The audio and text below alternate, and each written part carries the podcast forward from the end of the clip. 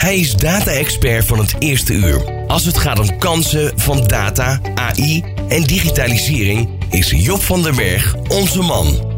In Data Dinsdag neemt Job ondernemers mee in normale mensentaal. Na nog geen vijf minuten kun je verder met zijn praktische tips en tricks. Dit is Data Dinsdag.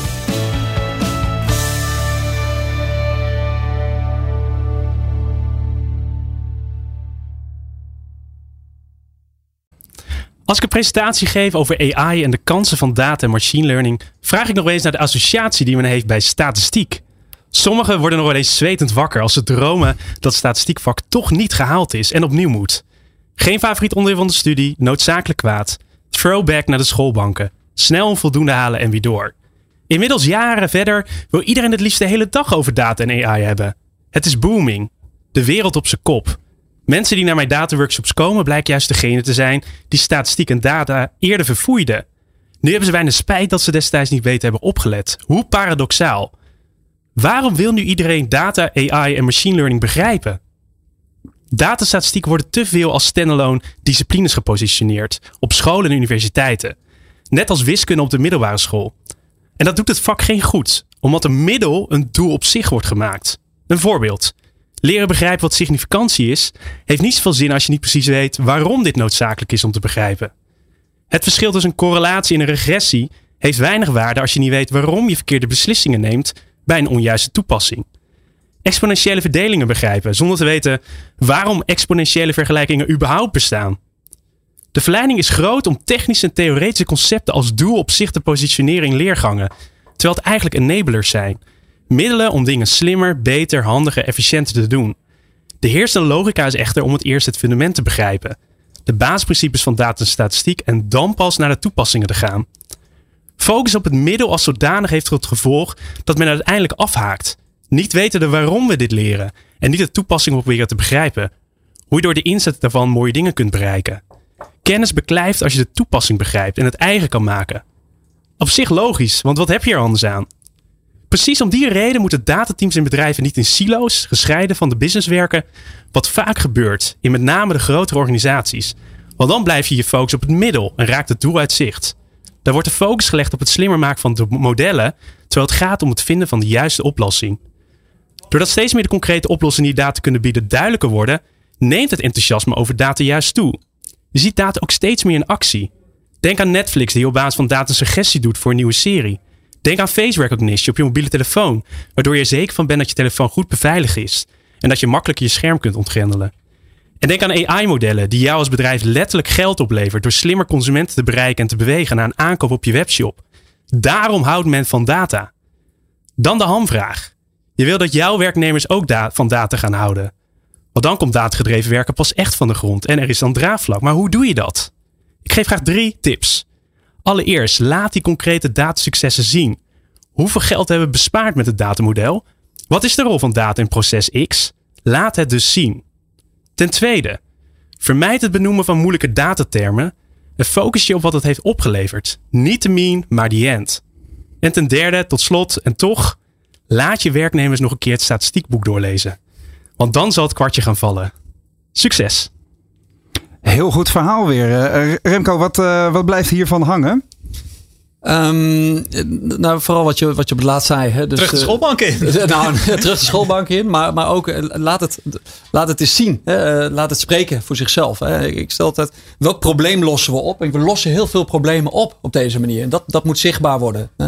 En, en ook wij doen daar onvoldoende mee op dit moment. Wij moeten daar echt sterk in ontwikkelen. Dat, dat geef ik ook eerlijk toe hier. Wat zijn dan de eerstvolgende stappen die jij zou doen na, na het horen van dit verhaal? zorgen dat ons datateam niet in één, uh, op één plek in de organisatie zit. In een silo, zoals uh, Job dat zegt. Ja, ja. kijk, wij proberen dat natuurlijk wel zoveel mogelijk te voorkomen. Maar er zijn wel degelijk silo's, hè, dat ook in ons bedrijf. Ja. Maar hoe doorbreek je dat dan, Job, als jij uh, deze tip geeft in jouw workshops? Ja, door eigenlijk inderdaad voorbeelden. Het gaat uiteindelijk om voorbeelden delen, laten zien hoe het werkt. Want dan raken mensen enthousiast en denken: dit wil ik ook. En dan, dan, dan gaan ze erin mee.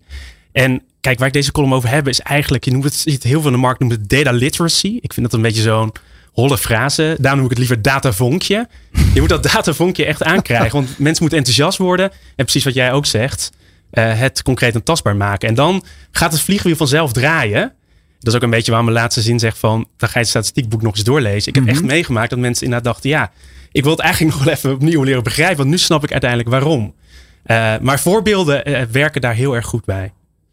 Duidelijk. Um, Data, jongens. Inderdaad, wat je ook zegt. Eh, eh, ik heb vaak het idee uh, dat het iets is dat er nog een beetje bijbungelt. Maar bij een, een bedrijf, Remco, als, als EVBox is het natuurlijk ook wel een essentieel onderdeel van het, het maximaliseren van jullie technologie. Ja, absoluut. Absoluut. Ja. ik gaf het net al even aan. Het, het, uh, het lijkt uh, redelijk basis. Maar het kunnen monitoren van, ons, ja, van, van onze laadpalen die, die daar overal staan. Hè, in, ja. Of praktisch de hele wereld. Dat, dat, dat is belangrijk. Hè. Dus daar beginnen we mee. En daar, daarmee maak je onze, onze servicegerichtheid veel, veel, ook veel kostefficiënter. Um, maar ja, vooral het, het, wat er aan zit te komen hè, qua slimladen. Ja. ja dat, dat gaat echt helemaal data gedreven zijn. Hè. En daar gaan ontzettende nieuwe waardestromen uh, gecreëerd worden. die, die zowel voor de gebruiker als voor de aanbieder uh, zeer uh, interessant kunnen zijn. Ja, maar data is één ding. Je hebt natuurlijk ook de wensen van de, de eindgebruiker. Daar moest ik net ook even aan denken toen we met NIO aan het praten waren. Die hebben hun User Advisory Board. Vind ik een heel verfrissend idee om ook met niet-gebruikers sowieso um, ja, input te krijgen van wat de consument nu wil. Mijn vraag is tweeledig. Enerzijds, zie jij het nut van zo'n extern adviesorgaan? En ten tweede, wat zou je ermee doen? Um, ja, ik zie dat nut. Hè. Ik, ik, zeg altijd maar, je moet, welke problemen probeer je hier nu op te lossen? En wij denken altijd dat wij de klantproblemen goed begrijpen. Mm -hmm. maar vaak is dat helemaal niet zo. En dan kom je pas achter als je die klantenpanels hebt. Hè. Ja, assumption is the mother van je weet wel. Ja, ja. of all uh, ja. exact. Ja, dus nee, dat, dat zie ik inderdaad. Hè. Ja. Dat, eh, dat doen wij dus ook. Hè. Wij praten heel veel ook met onze klanten. Um, maar ook met, met, met niet-klanten. Dus uh, nou ja, goed, dat, dat, dat geeft je uiteindelijk de kennis die je nodig hebt om, uh, ja, om je innovaties verder uh, vorm te geven. En je gaf eerder aan dat het stroomlijnen van, het gebruikers, uh, van de gebruikerservaring en ook de regelgeving in Europa de key zou zijn tot verdere uitrol, snellere uitrol nog van, van alle laadpalen in, in, in jullie business. In hoeverre zou je dat met data kunnen, kunnen omzeilen, Job? Nog even concreet, dus dat je. Je nou, Ja, de, de regelgeving in, in, in Europa is natuurlijk uh, nog, nog niet uh, universeel genoeg. Hè, als we het verhaal van Remco horen. Uh, dat is één ding. Je hebt natuurlijk ook al heel veel verschillende soorten gebruikers. Ja. Is er een manier om, om, om zeg maar die data in te zetten om lastige regeltjes te omzeilen? Oeh, dat is lastig, want dan gaat het uiteindelijk hè, altijd met privacy. Goedkeuring van de consument. En dat is natuurlijk de uitdaging dat jullie natuurlijk in dat ecosysteem zitten. En om dat op te kunnen lossen, om meer data te hebben, moet je eigenlijk die één op één relatie meer met die klant opbouwen. Wat me wel een beetje triggert wat je net beschreef. Ik kan me ook heel goed voorstellen dat in de evolutie van jullie bedrijf, voor mij was eerst natuurlijk uitdaging van marktpenetratie, uh, uh, zorgen dat het werkt. En nu kun je die stap verder gaan, nu je steeds meer dat aandeel hebt. En ik kan me heel goed voorstellen dat dat direct één op één misschien meer met de klant service aanbieden of productdifferentiatie aan te bieden, dat dat een logisch volgende stap is. En als je dat doet, dan krijg je ook veel meer data. Want dan kun je die consument zeggen: hey, heb ik goedkeuring om jouw laadgegevens te gebruiken of jouw voertuigdata, uh, et cetera, et cetera. En dat zou een middel kunnen zijn om goedkeuring te krijgen van de consument door één op één relatie te bouwen. Maar dat is wel de voorwaarde wellicht, ja, is dat een interessante propositie voor jullie?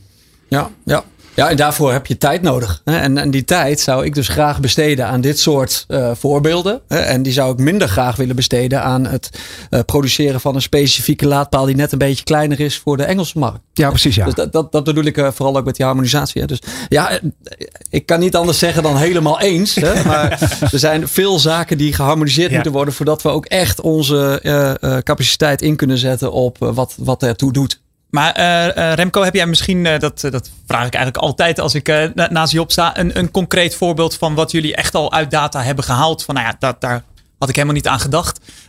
maar dat hebben wij wel al uit onze data kunnen halen, omdat jullie er wel gewoon mee bezig zijn. Een opvallend iets. en, toen, en, toen viel het stil. Ja.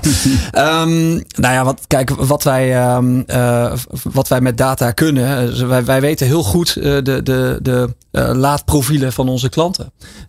wij weten natuurlijk ook wel wat um, de, de, problematiek in de markt is op dit moment met capaciteit.